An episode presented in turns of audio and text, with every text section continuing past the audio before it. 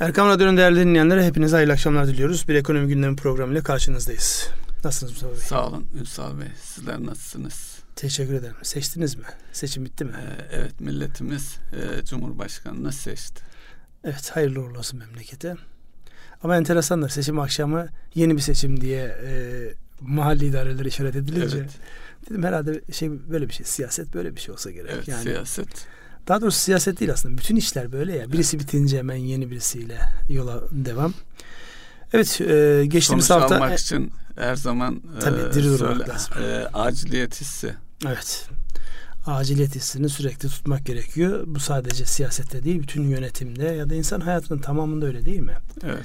Yani eğer bir sonraki adım yapacağın gündeminde yoksa, amacın yoksa bir başkasının amacının, planının bir parçası olarak hayata devam ediyorsun. Şimdi değilse ne zaman? Çok sloganik girdim. evet, e, şimdi bu hafta yoğun bir şekilde ne konuştuk? Kabine nasıl oluşacak? Kimler gelecek? Kimler gidecek? Özellikle kabinenin ekonomi tarafı oldukça renkli isimler geliyor gidiyor. Fakat en son bugün de zaten piyasalarda e, herhalde satın alınmış bir şey. E, Mehmet Şimşek isminin adı bir şekilde ama kabine, ama Cumhurbaşkanı yardımcısı, ama danışman hangi sıfatla olacağını e, göreceğiz. Bir şekilde o netleşmiş gibi piyasa satın almaya başlıyor.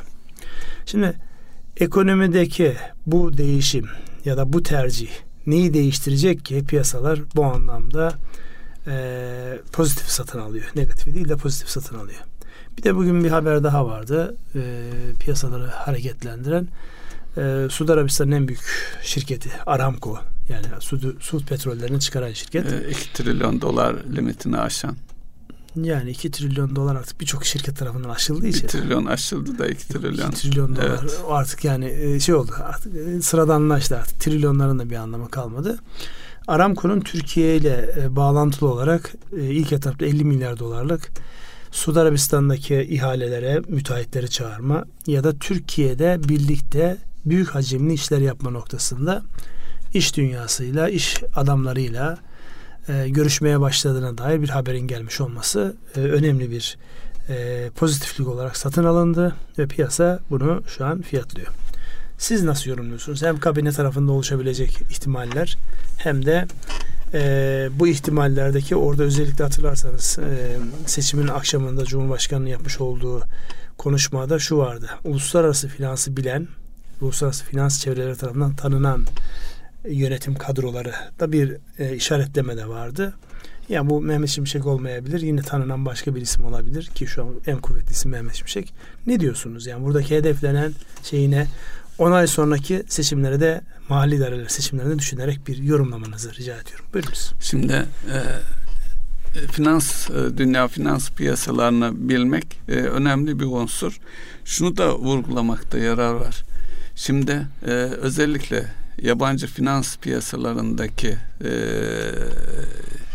Türkler diyelim veya oraya raporlama yapan mekanizmalar, şirketler genelde e, Türkiye'yi devamlı olumsuz birçok şeyin yanlış olduğu noktasında e, şeyleri olan, ön yargılı olan insanlar. Dolayısıyla Çok genelleme yapmadın. e, ama do- gerçek yani bu neticede böyle bir sıkıntı Yani var eskiden yani. eskiden dediğinize katılırım da ya şu an her şeyin aleni olduğu bir ortamda. Herkes her şeyi görüyor. Bir de şeyi unutmayın yani orada hemen bir parantez açayım sanki size sözünüzü kesiyormuşum gibi. Hakkınızı helal edin. Ee, mesela daha önceden hiç yaşamadığımız bir şey yaşadık. Seçimin olduğu akşam. Defaatle bir şekilde ters düşülen siyasi liderler, dünya siyasi liderleri o akşam ve ertesinde arayıp Cumhurbaşkanı doğrudan tebrik ettiler. Türkçe tweetler attılar. Metiyeler düzdüler. Aramızdaki ilişkiler bundan sonra süper olacak, harika olacak diye şeyler söylediler. Şimdi bunları da dikkate aldığımızda yani devletlerin başındaki insanlar sizin her şeyinizi bilirken arada rapor yazan insanlar manipüle ediyor demek. Eskiden olsaydı anlarım ama şu an hala devam ediyor mu sizce bu? Şimdi e, şeylere Twitter'da şurada burada yazılanlara Türkiye işte battı çıktı şu oldu bu oldu yazılan birçok şey var. Doğal olarak da etkilerin insanların etkilendiği de açık yani onu bir yere mutlaka koymak lazım. Evet. Ön yargının olduğunu e, altını çizmekte yarar var.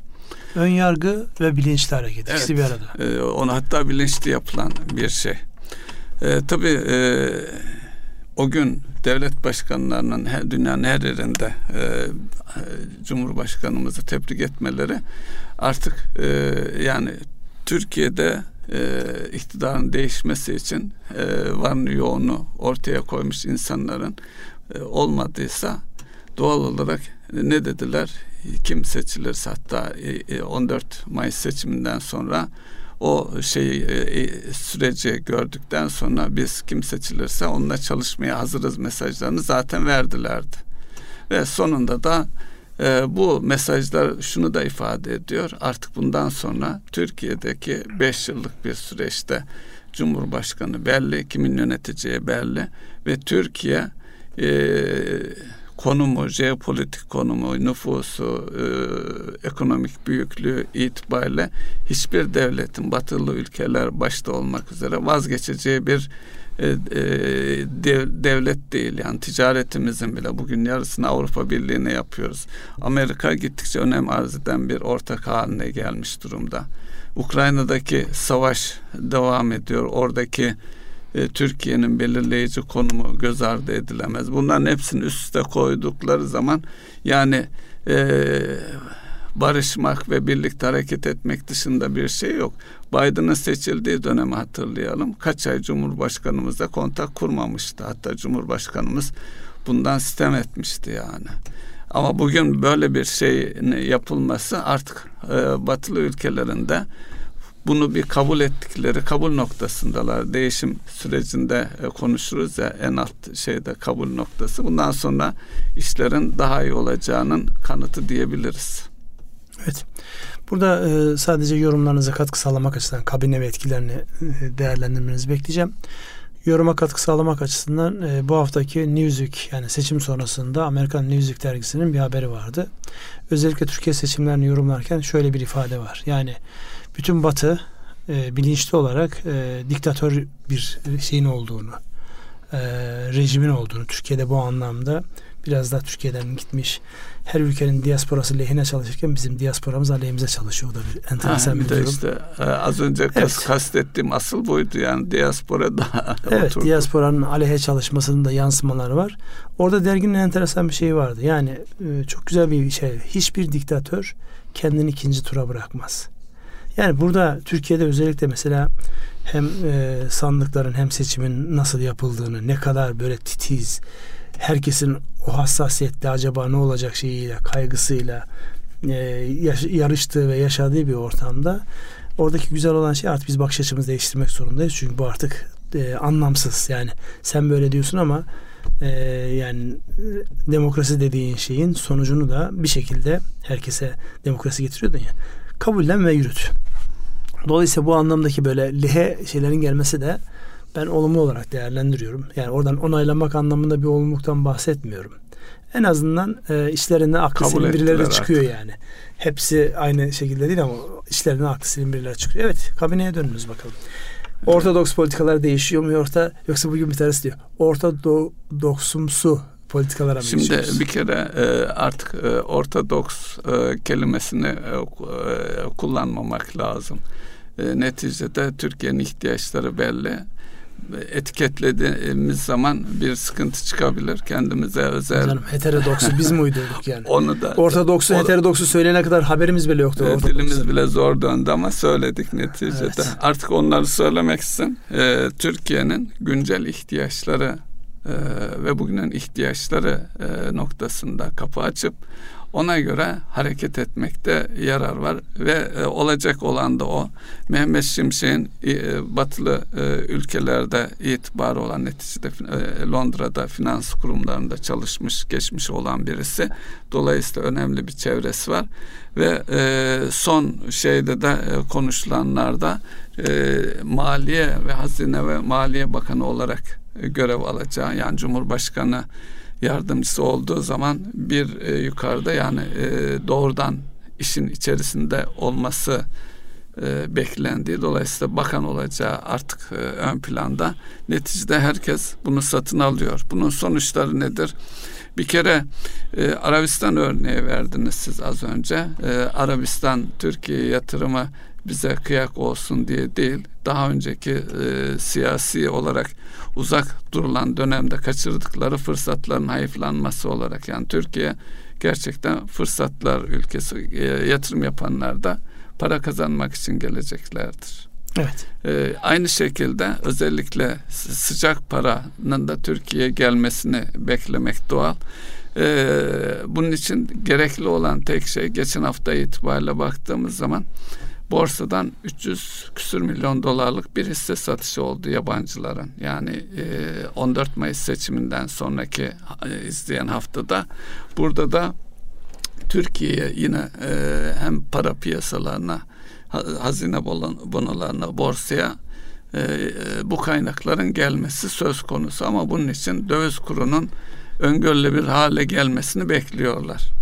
Bu da sanıyorum e, yeni hükümetin kurulması, programın açıklanması, bakanın yapacağı açıklamalar büyük bir ihtimalle bakanın e, seçildiği ilk hafta veya izleyen hafta e, finans merkezlerine İng- İngiltere'ye, e, şeye Almanya e, para piyasalarının olduğu belki Amerika'da dahil olmak üzere seyahatlerinin yap, seyahat seyahatler yapmasını bekliyorum ben. E, bunlar da ülkenin önünü açacak ve kaynak sıkıntımızı şu anda had safhada olan döviz sıkıntımızı çözecek diye düşünüyorum. Şimdi burada e, o zaman ben de biraz katkı sağlayayım bu sorduğum soruya, kendi sorduğum soruya kendim biraz katkı vermeye çalışayım bakış açımda. Şimdi özellikle seçim sonrasında baktığımızda e, düzenli olarak Türk lirasının döviz karşısındaki değer kaybı artık bir neredeyse düzene bindi. Yani şu an bankalar arasında e, serbest piyasada 22'ler seviyesinde ama bankalar arasında da 21 sınırına geldi. Yani e, 19.80'lerde 19.70'lerde tutmak için eldeki bütün kaynakların seferber edildiği noktadan şimdi e, gerçi hala satış devam ediyor. Yani kontrol etmek için satış devam ediyor biliyorsunuz. Eksi olan rezervler bu hafta daha da arttı. 4 milyar dolara yakın bir e, rezervde eksiye döndük biz. Geçen haftalarda milyonlarca 100, 150 milyon dolar seviyesindeydi. Şimdi milyar dolarlara geçmiş vaziyetteyiz. Dolayısıyla daha fazla kuru tutma, kuru tuttuğunuzda ihracatçıyı bir anlamda e, artık ihracatı cazibe noktası olmaktan çıkarma gibi hususların artık yavaş yavaş e, gevşetildiğini görüyorsunuz. Yani düzenli olarak şu an Merkez Bankası bankanası para piyasasında bir eldeki kurşunun zaten bitmesinden dolayı bir de artık onun gerekliliğini anlıyor. Çünkü piyasa şu an e, döviz anlamında 22-23'ü bir şekilde satın almış vaziyette. Sonrası o ne olur? Sonrası işte az önce de sizin de söylemiş olduğunuz kabinenin belli olması, kabinedeki e, bundan sonra uygulanacak para politikasının ne olacağıyla alakalı netleşmeler, atılacak adımlar, uluslararası yatırımcıları Türkiye'ye çekip çekmeme konusundaki istek önce arkasından da performans gösterecektir. Dolayısıyla yani e, buna normalleşme, yeni normalleşme gibi ya da e, makul ya da makule yakın gibi e, açıklamalar yapıyor. Herkes bir etiketin peşinde. Bugünlerde sadece e, ekonomi medyasında e, ve yorum yapanlarda bolca metafor görüyoruz. Benzetmelerle anlatıyorlar. İşte takıma benzeten, futbol takımına benzeten, işte ki e, son zamanlarda futbol takımının metaforlar çoğaldı. İşte Cumhurbaşkanını, kulübün e, başkanı e, ekonomiden sorumlu kişiyi işte teknik direktör geri kalan kısmında oyuncular olarak burada nasıl bir ilişki ağa döner şeklinde metaforlar insanlar konuşur hale geldiler. Ee, ne olur başka? Yani içerideki özellikle e, ekonomiyi ilgilendiren kurumlarda değişiklikler olur mu? Yönetim değişiklikleri? Yoksa sadece başlangıçta piyasaya o güveni verdikten sonra bir, bir, bir müddet geçtikten sonra mı şekillenmeye başlar? Ee, herhalde değişiklikler olur diye düşünüyorum. Çünkü e, bir ekip e, işi zaten Cumhurbaşkanlığı sisteminde eğer Cumhurbaşkanı değişmiş olsaydı e, birçok e, pozisyon e, yani görev bitmiş olacaktı ve yeni Cumhurbaşkanı oralara atama yapacaktı. Doğal olarak da Cumhurbaşkanımız e, tekrar seçildi. Hatta e, sıralamada 13. diye halbuki 12. Cumhurbaşkanımız devam ediyor öyle bir denmediği için Dolayısıyla bu dönem yeni seçildiği için, yeniden seçildiği için dolayısıyla tüm kadroları e, değiştirme iradesi var. Zaten ona Bakanlar Kurulu'ndan başlıyor.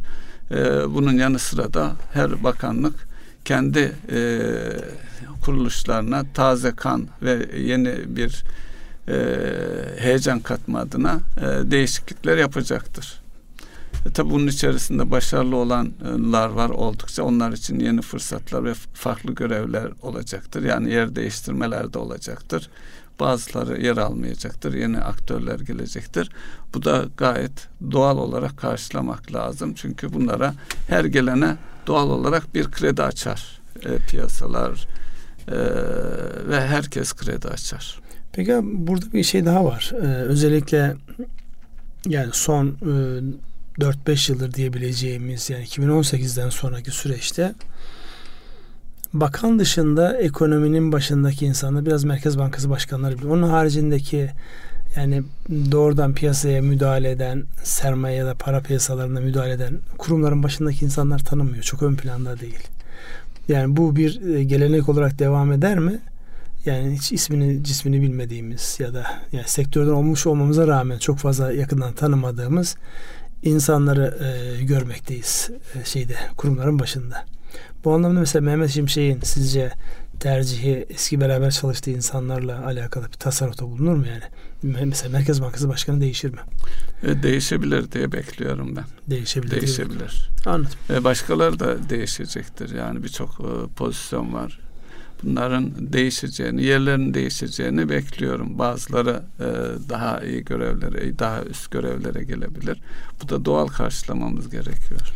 O zaman yani, önümüzdeki dönemde e, yani daha doğrusu şu an o konumda olan insanlar hepsi e, gözleri kulakları e, oluşabilecek tepedeki yapılanmaya bakıyordur. Ee, evet bakıyorlardır. He, evet. Heyecan vardır. Ee, o zaman e, heyecan başka tarafta. Yani ekonominin kendisinden ziyade ekonomi yönetecek evet. olan kurumlar önce o heyecanı yaşayacak.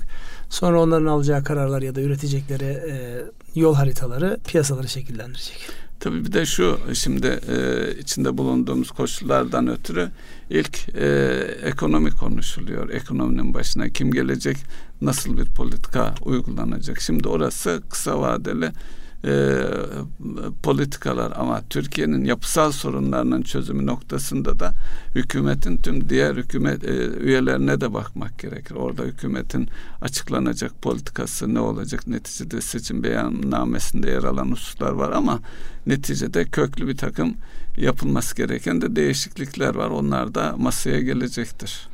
Ya yapısal ge- sorunları dediğimiz Ama işte o seçim beyannamesinin bizi ilgilendiren geçen haftaki yorumunu da yapmıştık hatırlarsan. Seçim beyannamesinde mesela son iki yıldır, üç yıldır uygulanan işte yeni ekonomi politikası, Türkiye ekonomisi, ekonomi politikası diye denen şeyden hiç bahsedilmiyor oluşu, ona hiçbir e, atıfta bulunmuyor oluşu çok enteresan gelmişti evet. bana.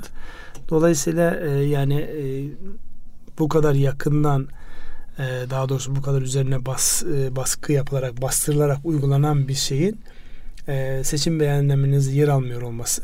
Yani aslında seçim e, sattım haline girildiği andan itibaren bu politikayla devam etmeyeceğiz mesajını mı vermiş oldu sizce? E, dolaylı olarak çünkü net olarak e, söylense siyaseten e, yani apolitik bir davranış olurdu. E, yani siyasetin e, en e, Cumhurbaşkanımız siyaset noktasında da şu ana kadar e, sadece Türkiye'de değil herkesin saygı duyduğu, şapka çıkarttığı bir e, konumda.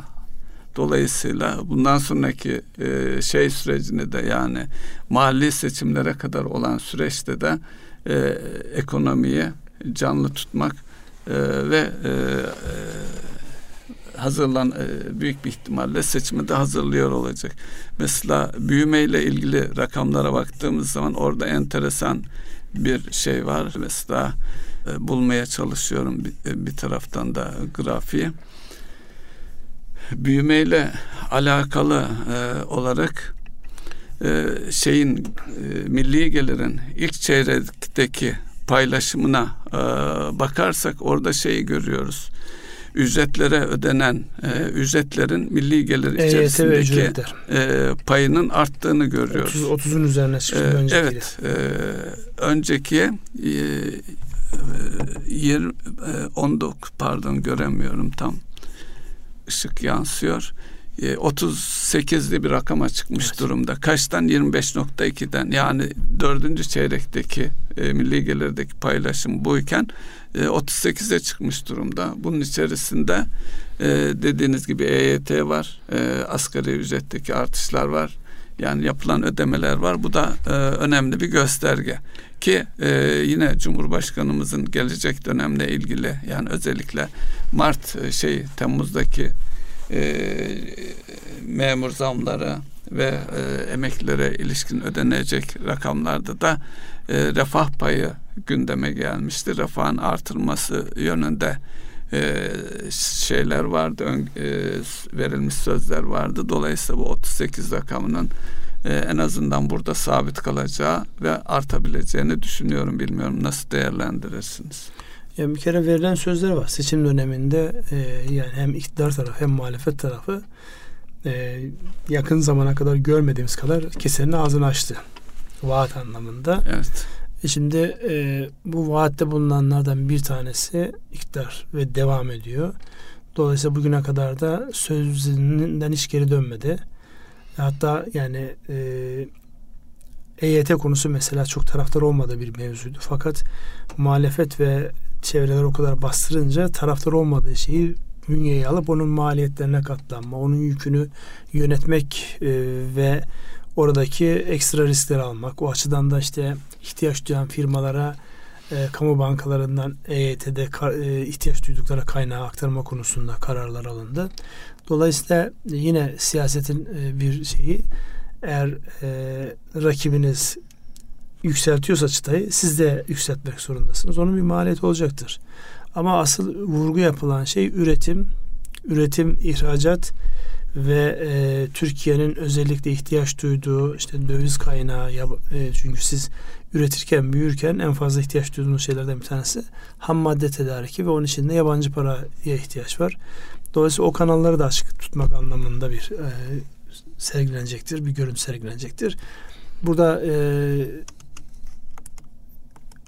önümüzdeki günlerdeki en önemli şeylerden bir tanesi bu yüzde dörtlük büyümenin ikinci çeyrekte de benzer bir şekilde geleceğiyle alakalı artık neredeyse kafalar netleşmiş vaziyette. Yani Türkiye bütün bu e, sıkıntılara rağmen, depreme rağmen, bütün sıkıntılara rağmen büyüme performansında bir geri çekilme yok. En azından birinci çeyrekte yok. ikinci çeyrekte de olmayacağını gösteriyor. Fakat özellikle kaynağa ulaşma noktasındaki zorluklar bu şekilde devam ederse burada bir zorlanmalar olacaktır. Çünkü insanlar şu an e, ithalat yaparken nispeten zorlanıyorlar. Normal işletmelerini çevirirken nispeten zorlanıyorlar. Yani bu e, önümüzdeki dönemde büyüme noktasında onun için de e, kabinenin nasıl kurulacağı, ekonominin kimler tarafından nasıl yönetileceği burada da anlam ifade ediyor. Aksi takdirde sıkışıp kalacaksınız. Ee, öyle bir noktaya geliyor.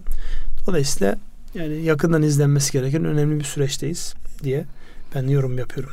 Büyümeyle alakalı ilave söyleyeceğiniz bir şey var mı? E, büyümeyle alakalı e, e, özellikle deprem nedeniyle e, konutların e, yapılacak konutlar yani Türkiye'nin e, genişlemeci politikayı de, devam ettirmek e, zorunda olduğu ortaya çıkıyor. E, kaynağa ulaşmakla ilgili de mesela bu hafta garantinin e, send, e, sendikasyonu e, de elde ettiği sendikasyon var. Yaklaşık 200 milyon dolar ve 200 milyon euro seviyelerinde. Bu da daha önceki dönemdeki hatırlarsak sendikasyonların yenilenmesinde sıkıntı vardı veya kısmi yenilemeler söz konusuydu. E, bu yenilemede fiyatlar tabii batı şeylerindeki yükseklik ve e, CDS'lerin de etkisiyle e, biraz yüksek ama önemli olan e, tedarik edilebilmiş olması.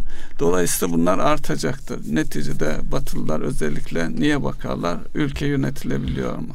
Dolayısıyla 5 yıllık bir e, şey seçim sonucunda 5 yılın içerisinde yönetimin sabit kalacağı görüldükten sonra herkes yeni koşullara göre kendini e, ayarlayıp fiyatlamasını yapıp hareket edecektir diye e, düşünüyoruz. Burada tabii bugün yayınlanan verilerde biliyorsunuz dış ticaret verileri yayınlandı. Dış ticaret verilerinde de yaklaşık 12 e, milyar küsuratı da var. Şu an ekranımdan gitti. 12.7 milyar dolarlık bir e, eksideyiz. Yani biz dış ticarette aleyhimize işleyen süreç aynen devam ediyor. Evet ihracatımız artmış. İhracatımızın artış oranı %14 iken ithalatın artma oranı %16'lar seviyesinde ve e, dövizli kaynak bulmanın da bu kadar zor olduğu bir ortamda biz dış ticaret açığını vererek e, büyüyoruz bir taraftan da. Bunun e, sürdürülebilir olmayacağını hepimiz biliyoruz zaten. Hükümetin de iddiası bu değildi. Hem dış ticarette hem de toplam cari e, hesapta cari fazla vererek yürünmesi gereken bir ortamda eksi vererek gittiğimiz bir süreç yaşadık. E, bu süreç bundan sonraki özellikle enflasyonu tetikleme noktasında da kurlar arttığında enflasyonu tetikleyici bir etki var. Halbuki baz etkisi ve diğer e, mücadelelerle e, geçtiğimiz aylarda enflasyonda bir aşağı doğru gelme, işte 40'lı rakamları gördük. Burada tekrar yukarı doğru bir ivmelenme olur mu? Çünkü e, gördüğüm kadarıyla e, zannedersem İstanbul Ticaret Odası'nın ya da Sanayi Odası'nın şu an emin olamadım. Açıkladığı e, Mayıs sonu enflasyonunda e, 50'li rakamlar var tekrar. Ne diyorsunuz? Şimdi e, seçim öncesinde özellikle Türk lira Türk lirasının değerli olması nedeniyle insanlar e, kredi korumalı e, kur korumalı mevduata ve olabildiğince de e, mallara yöneldiler. Konut zaten almış başını gitmişti. İşte araba alımları ön plan araba alımları e, ikinci elde dahil olmak üzere rekor kırdı. Yeni araçlar bulunamaz hale geldi. E, ithalatta da artış oldu. Mesela büyüme kalemlerine bakınca mal ve hizmet ithalatının bir önceki dönemde 16 e, seviyelerinden e, hatta 10 seviyelerinden 14.4 seviyelerine e, gelmiş. Dolayısıyla tüketim e, artışı yaşandı. Bir diğer ifadeyle de gelecekteki tüketim önceden yapıldı. Yani gelecekte ihtiyaç duyacakları mal ve hizmetlere satın alma eğilimi ortaya çıktı. Bu içinde bulunduğumuz dönemde kurların e, özellikle piyasa ve banka kurlar, merkez bankası kurları arasındaki makas kapandıkça e, bu tür geleceğe yönelik ihtiyaçlar için e, iştahın kesileceğini hatta daha önceden yapılmış harcamalar düşünülürse biraz orada rahatlama tüketim tarafında rahatlama olabilir diye düşünüyorum. Az önce genişletici politikalar devam edecek dediniz. Şimdi enflasyonla mücadelede şu an zaten e, mücadele edemeyişimizin temel evet. sebeplerinden bir tanesi genişletici politikalar değil miydi? Yani evet. öbür taraftan da hep konuştuğumuz yani sadece bizim değil e, ekonomiye ilgi duyan herkesin konuştuğu şu kim seçilirse seçilsin e, seçimlerden sonra bir acı reçete e, daha sıkılaştırılmış büyümeyi biraz daha aşağı çekip ama asıl mücadelenin enflasyonlu olduğu bir döneme gireceğiz. Şimdi bu ikisi birbiriyle çelişmiyor mu? Yani önümüzdeki dönemde bir taraftan kaynak ihtiyacı var. E, şirketlerin iş yapabilmek için işletme sermayeleri büyüdü. Ürettiklerini sat, satmak için e, tüketicilerin kaynağı ihtiyacı var. E, asgari ücret başta olmak üzere gelirlerdeki artış şirket bilançolarında çok önemli bir yere geldi. E, milli gelir içerisinde gayri safi yurt içerisindeki büyümede gelir payında 25'lerden 30 e, küsürlere çıkma var. Ya bunların hepsini birlikte değerlendirdiğimizde birbiriyle çelişmiyor mu? Ezmiyor mu Şimdi e, 10 ay sonra seçim olacağı için e, büyümenin devam edeceğini e, düşünebiliriz. Çünkü yüzde dört seviyesinde bir büyüme yani var. Frene basılacaksa frene, diyorsunuz en azından 10 aylık bir dönemde deprem, basılacak. E, e, yatırımlar nedeniyle frene basmamız söz konusu olamayacak. Onun yanı sıra da e, özellikle seçim olacağı için insanların şu söz de verildi e, refah payının artacağı yönünde. Refah payının artacaksa yani ekonomi canlı olduğu zaman yani e, acı reçete içip e, içirip ekonomiyi e, daralttığınız zaman refah payı nasıl artacak? Refah payı nasıl artacak sorusu. İşte evet. birbiriyle çelişiyor. Enflasyonu düşürmek istiyorsanız piyasada e, biraz insanlar tasarruf etmeniz lazım. Daha az harcayarak insanlar e, hayatlarını idame ettirecekler. Ama zaten tasarruf açığı olan bir ülkedesiniz. Yani kiraların alıp başını gittiği, evet. işte marketteki fiyatların artık e, hani takip edilemez hale geldiği bir ortamda e, refah seviyesini kısa vadede arttırabilme şansınız yok. Asgari ücrete yapmış olduğunuz zam kira ve marketteki e, fiyatlar hani anda yansıyorsa refah nasıl artacak burada? Ee, enflasyon e, e, sert iniş enflasyonda sert iniş olacağını beklemiyorum. Daha in aşağı doğru indirilebilir ama daha uzun süreye yayılabilir. Ee, asıl enflasyonla mücadele gelecek yılın ikinci çeyreğinden itibaren başlar diye düşünüyorum. Ama işte enflasyonla mücadele geciktiğinde de bu sefer az önce söylemiş olduğumuz işte e, hani enflasyonun sebep olduğu mutsuzluklar artacak. Özellikle büyük şehirlere baktığımızda evet. şu an yoğun bir şekilde e, o çalışmalar yapılıyor. E, yani iktidarın nerelerde oyu arttırdığını, nerelerde oy kaybettiğine baktığımızda büyük şehirlerdeki e, performansında nispeten şey var. Niye büyük şehirlerde yaşamak daha zorlaşmış olduğu için belki. Evet. Bir sebebi odur yani. Tek sebebi olamaz ama bir sebebi de odur. Dolayısıyla bunu düşündüğümüzde yani hem enflasyonla mücadelenin 10 ay sonrası, 15 ay sonraya kalmış olması ama arada bir de seçimin olması. Evet. Seçimde de insanların gelirlerindeki o e, önemli farklılaşmayı e, iradelerini kullanırken e, sandığa yansıtmalar bunlar hepsi düşündüğümüzde yalnız e, şunu unutmamak lazım. E, şimdi siyasi istikrar dedik beş yıllık bir süreçte eğer e, geçtiğimiz yılları da dikkate alırsak Cumhurbaşkanımız beş yıl için seçilmişti. Geriye dönük hatırlarsanız iki yıl önce, bir buçuk yıl önce, üç, yıl önce her bir adımda erken seçim geliyor diye muhalefet e, şeyi ayağa kaldırıyordu. Bunların ekonomi üzerinde, yabancı finans kuruluşları üzerinde her yerde olumsuz bir algısı var. Acaba öyle mi? Acaba öyle mi diye. Çünkü e, bu seçim hariç daha önceki seçimlerde şöyle veya böyle e, 6 ay, 1 yıl, 2 yıl e, vaktinden önce seçimler yapıldı. Eğer önümüzdeki dönemde yani şeyi kastediyorum e, mahalli idare seçimlerinde e, mevcut iktidarın oy oranındaki bir değişim çünkü farklı bir dinamik işliyor orada. Eğer orada e, bir oy azalması falan olursa muhalefetin e, sürekli ikiye bir bu seçim e, şeyini erken seçim yani halkın güveni kayboldu erken seçime gidelim diye ortalığı ayağa kaldıracaktır. Bunun olumsuz etkilerini de düşünmek lazım. Yani ona göre hareket edecek olursak hükümetin bunu da düşünerek e, hareket buna e, mutlaka dikkate almak Tam zorunda. da o noktadayım işte. Ben diyorum ki bir taraftan enflasyonla mücadele konusu e, diyorsunuz ki mahalle e, seçimlerden sonra ama mahalle seçimleri enflasyon bu kadar yüksek olursa ayrı bir risk oluşturuyor. Doğru. İşte e, bakalım e,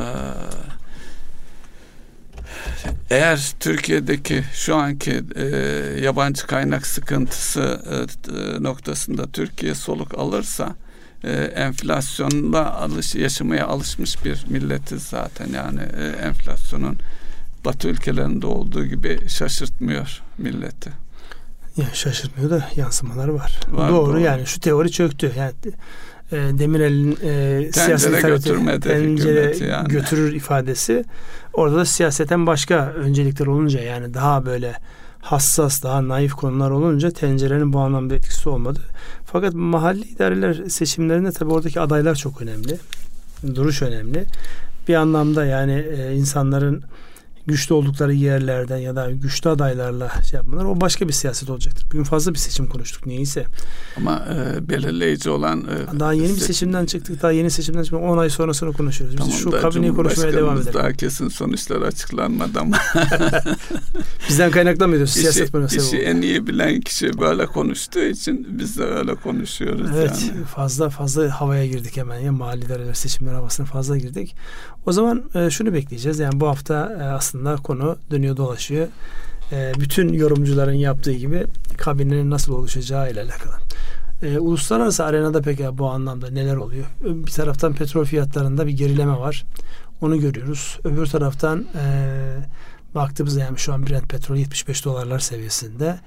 altında bir gerileme vardı. Tekrar altında bir hareketleme başladı. Özellikle dünya merkez bankaları altına tekrar yöneldi. Bir şey daha oldu. Uluslararası arenada Çin'de beklenen e, büyüme yani daha doğrusu büyüme bekleniyordu ama beklendiği gibi gelmemiş olmasından dolayı bir Çin e, şeyi var. Yani acaba o beklenen hani Çin geri döndü büyümesini yapacak ve piyasalar etki edecek ifadesi acaba onu göstermeyecek mi diye size sorayım. Ne oluyor? Dünyada ne oluyor? Ee, dünyada bir kere e, bakıldığı zaman Çin belirleyici bir konumda ama e, özellikle Amerika Hindistan'ı Çin'le rekabet edecek şekilde hazırlıyor. Aradaki sapma kaç yıldır? Bir 10 yıl vardır herhalde. 10 yıl 15 yıl bilemiyorum e, şeyi. Ama Çin yine ekonomik büyüklüğü olarak büyüklük olarak e, petrol fiyatlarını, metal fiyatlarını her şeyi etkilemeye devam edecek. Her ne kadar Amerika ile ekonomisi e, iç içe geçmiş olsa bile. Şimdi ben e, siz onu söylerken bir taraftan da şeye baktım. Büyüme rakamlarına baktım. Çeyrek dönemler itibariyle Çin'in mesela ilk çeyrekteki büyümesi e, 2.2 e, olmuş. Yani 2.20 olmuş. Az önce söyledik Türkiye'nin çeyrek dönemdeki büyümesi e, yıldan yıla baktığımızda yani çeyrekten çeyreğe baktığımızda 4 sadece tek çeyreğe baktığımızda 0.30 yani buradan e, aynı dönem itibariyle Çin'in ne olmuş? 4.50 olmuş. Yani Çin'in büyümesi Türkiye'nin büyümesinden daha fazla. Geçen senenin aynı çeyreğiyle bu senenin aynı çeyreği karşılaştırdığımızda. Şimdi burada bir e, yani Çin'in mutlak geri dönüşüyle alakalı şey ama burada dikkat çeken en önemli şey Hindistan Hindistan sessiz sedasız özellikle bu Amerika-Çin kapışmasında e, özellikle Amerika'nın Hindistan lehine tavrının sergiliyor olması. Onların da zaten kendi aralarında e, bir rekabetin evet. sınırdan dolayı rekabet var. Çatışma noktaları var. Ve nüfus olarak da Çin'i dengeleyebilecek dünyadaki şu anki geçmiş durumda nüfusu itibariyle. Geçmiş durumda işte denge noktasında dengeleyebilecek tek şey. Dolayısıyla zaten e, daha önceden özellikle e, bilgi teknolojileri, yazılım, donanım bu anlamda Hindistan'ın çok ciddi bir ağırlığı vardı. Yani kaç dönemdir sürekli büyüyen bir tar- tavırla da tarzda da e, önümüzdeki dönemde biz Çin'den çok Hindistan'ı konuşacakmışız evet. gibi bir e, görüntü var şu anki rakamlardan baktığımızda. E, şimdi e, Çin konusunda e, dönüp kendimize baktığımız zaman şimdi ihracat yaptığımız ülkeler sıralamasında ilk e, beşte Çin'i göremiyoruz ama, ama ithalata baktığımızda e, ikinci sırada 13.2'lik bir e, ithalatımız var. Yani bu bizim dengeleme noktasında e, çok önemli bir husus. Yine e, ithalatta Rusya 14,9'luk bir payı var. Yine Rusya'nın da e, ihracatımızda ilk beşte ismini göremiyoruz. Dolayısıyla yapısal e, olarak e, sorunlarımız e, diye bakabiliriz bu ülkelerle ticareti dengeleyebilmek. Hele Çin'in gelecekteki ekonomik e, düzeyini düşünürsek onlarla ne yapılabilir bilmiyorum. Orada da Çin'de mesela 100 milyonu aşan üst gelir grubu varmış. Turizmde falan pay alabilir miyiz oradan bilmiyorum. Yani hani mümkün değil e, ifadesini kullanacağım. Çünkü bir tanesi ham madde tedariki. Sadece ham madde tedariki değil. Sizin üretmeye niyetlendiğiniz ne kadar şey varsa hepsini üretebilen ve size göre daha uygun maliyetler üreten nasıl beceriyorsa onu üreten bir ülke. Dolayısıyla özellikle sanayi tarafında yoğunlaştığımız firmalarda şunu görüyoruz. Ee, yani ithalat ettiğiniz fiyat burada sizin e, maliyet fiyatınızdan daha düşükse bununla nasıl rekabet edeceksiniz? Dolayısıyla Çin'den biz almaya bu anlamda devam edeceğiz. Çin'in e, her ne kadar işçi maliyetler artsa dahi e, hala e, ucuza mal edebilme, o geniş üretebilme kabiliyetinden dolayı ucuza mal edebilme becerisi var. E bir de e, dış ticaret fazlası veren bir ülke. Onun biz kaynağa ulaşırken ki o finansmanın getirmiş olduğu maliyetler onların üzerinde yok. Onlar bir anlamda dünyayı e, fonlayan ülke konumunda. Dolayısıyla buradan baktığımızda e, Çin'e o kapanmaz. Rusya konusu. Rusya konusundaki ana Buraya geçmeden önce Ünsal Bey, Çin'le ilişkilerde özellikle şimdi e, kendi milli sanayimizi, üretimimizi koruma adına özellikle bürokrasinin çok hızlı ve esnek olması gerekiyor. Yani zamanında tedbir alması, vergi koy, koyması konularında. Orada yapısal olarak yani bir yavaşlık var. O nasıl hızlandırılır bilmiyorum. Yani iş adamlarından dinliyoruz. Bürokrasiye e, problemi anlatıp oradan e, sonuç alana kadar aylar geçiyor. Dolayısıyla o süreçte de aleyhimize işleyen bir mekanizma. Oradaki ince nokta şu. Yani ihracat yapan da bizim iş adamımız, ithalat yapan da bizim iş adamımız. İş adamlarının becerisi aslında kendini gösteriyor. Hangisi e, daha iyi anlatıyorsa ya da hangisi daha hızlı hareket ediyorsa Çin bize mal satmak için gelip e, pazarlarıyla geçirmiyor. Orada zaten var olan bir şey var. Ben satarım diyor. Bizim insanımız gidip alıyor. Dolayısıyla burada yani bizim milli duruş sergileyeceksek öncelikli olarak bizim iş insanımızın bu anlamdaki duruşunda yani içeride e, üreten varken bunu e, aşağı çekecek, bunun üstüne çıkacak tavır ve davranışlardan nasıl vazgeçecek diye yani bakmamız Bugüne lazım. kadar o olamadıysa bugünden sonra olur mu? Mutlaka devletin e, Hayır, adım devlet, atması lazım. Devlet adım atarken işte devletteki insanları ikna etme noktasında da işte böyle bir e, aynı insanlarımız yani bizim insanımız bürokrasi. Bürokrat evet. uzaydan gelmiş bir insan değil. Birisi geliyor kendisine bir şey anlatıyor bu iyi olacak diyor. Buna ihtiyacımız var. Bu aramalıdır. Bununla biz şöyle şöyle şey yapıyoruz diyor. Bir düzenleme geliyor. O düzenleme bir başkasının belini kırıyor. Yani evet. bugünlerde yaşamış olduğumuz özellikle bu e, yani çok değişen mevzuatın yansıması evet. olarak tarım, tekstilde, tarımda, tarımda, tekstilde, tekstilde e, çok farklı e, kararlar var yani. Birbirini ezen kararlar var. İşte burada hükümetin ortaya koyacağı stratejide eğer biz cari açığı aç, azaltacaksak e, üretimi sanayileşmeyi artıracaksak hele hele e, şey noktasında e, yüksek teknoloji ürünler noktasında mesafe kat edeceksek e, bürokrasinin hükümetin o konuda daha e, hızlı hareket etmesi bir zorunluluk. Evet. Ee, büyümeye girmişken ben şöyle bir hızlı bir şekilde baktım. Yani bizim hmm, ilk 20 ülke içerisinde olduğumuzda çok enteresandır. Rusya hariç o küçülmüş. Onun haricindeki bütün ülkeler yani rakibimiz diyeceğimiz yani 20'nin içerisinde onlardan pay alacağımız dediğimiz ülkelerin çok önemli bir kısmı da Endonezya, Brezilya, Suudi Arabistan zaten üzerimize çıktı o artık şey yapıyor. Yani ciddi yatırımlar yapıyor.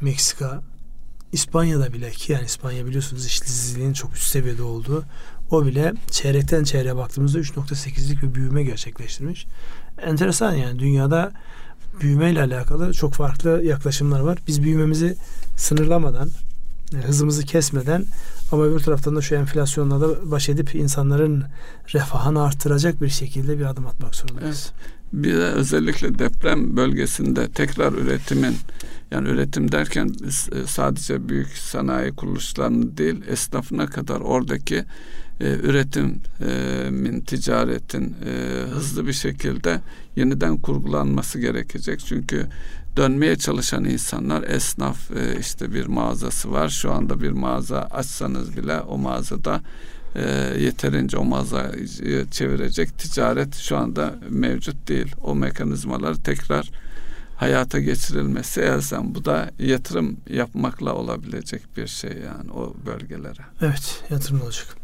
Süremiz daralıyor.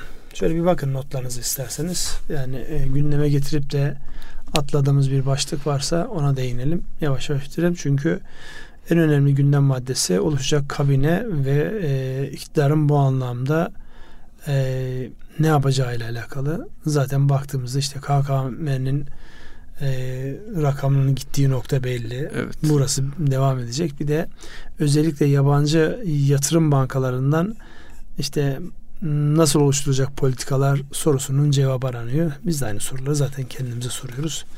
Herkes merak ediyor dört gözle karar vericilerin, politika belirleyicilerin hangi politikaları, hangi metodu uygulayacakları e, bizi bayağı bir heyecanlı günler bekliyor. Bir taraftan da aslında arka tarafta bunlar da hazırdır yani. Bilebilsek çünkü yani e, cumartesi günü yani yarın muhtemelen kabine açıklanacak. E, bir hafta sonrasında herhalde e, politikanın ne olduğu da netleşecek. Yani Evet. Şu an isimler üzerinden yorumlar yapılıyor. İsimler netleşince de onların neler yapabilecekleriyle alakalı. Bir de tabii kulüp başkanının teknik direktörüne ne kadar katılı, karışacağıyla alakalı. Evet. O metaforu biz de kullanalım. Dolayısıyla e, şimdi bu son e, söylediğiniz e, belirleyici çünkü Cumhurbaşkanımız geçmiş dönem içerisinde Merkez Bankası başkanlarına şey, diğer e, hükümet üyelerine bir takım mesajları kararlı ve sert bir şekilde verdi. Onun da e, piyasalara yansıması olumsuz oldu. Şimdi de Cumhurbaşkanımızın yani seçilen kişiler özellikle Merkez Bankası'nın bağımsız olması çok e, önemli bir şekilde vurgulanıyor e, batılı kuruluşlar açısından da E, ne kadar e, kendi istedikleri gibi veya başta ortaya koydukları politikayı devam ettirecekler bu belirleyici olacak görünüyor. Evet.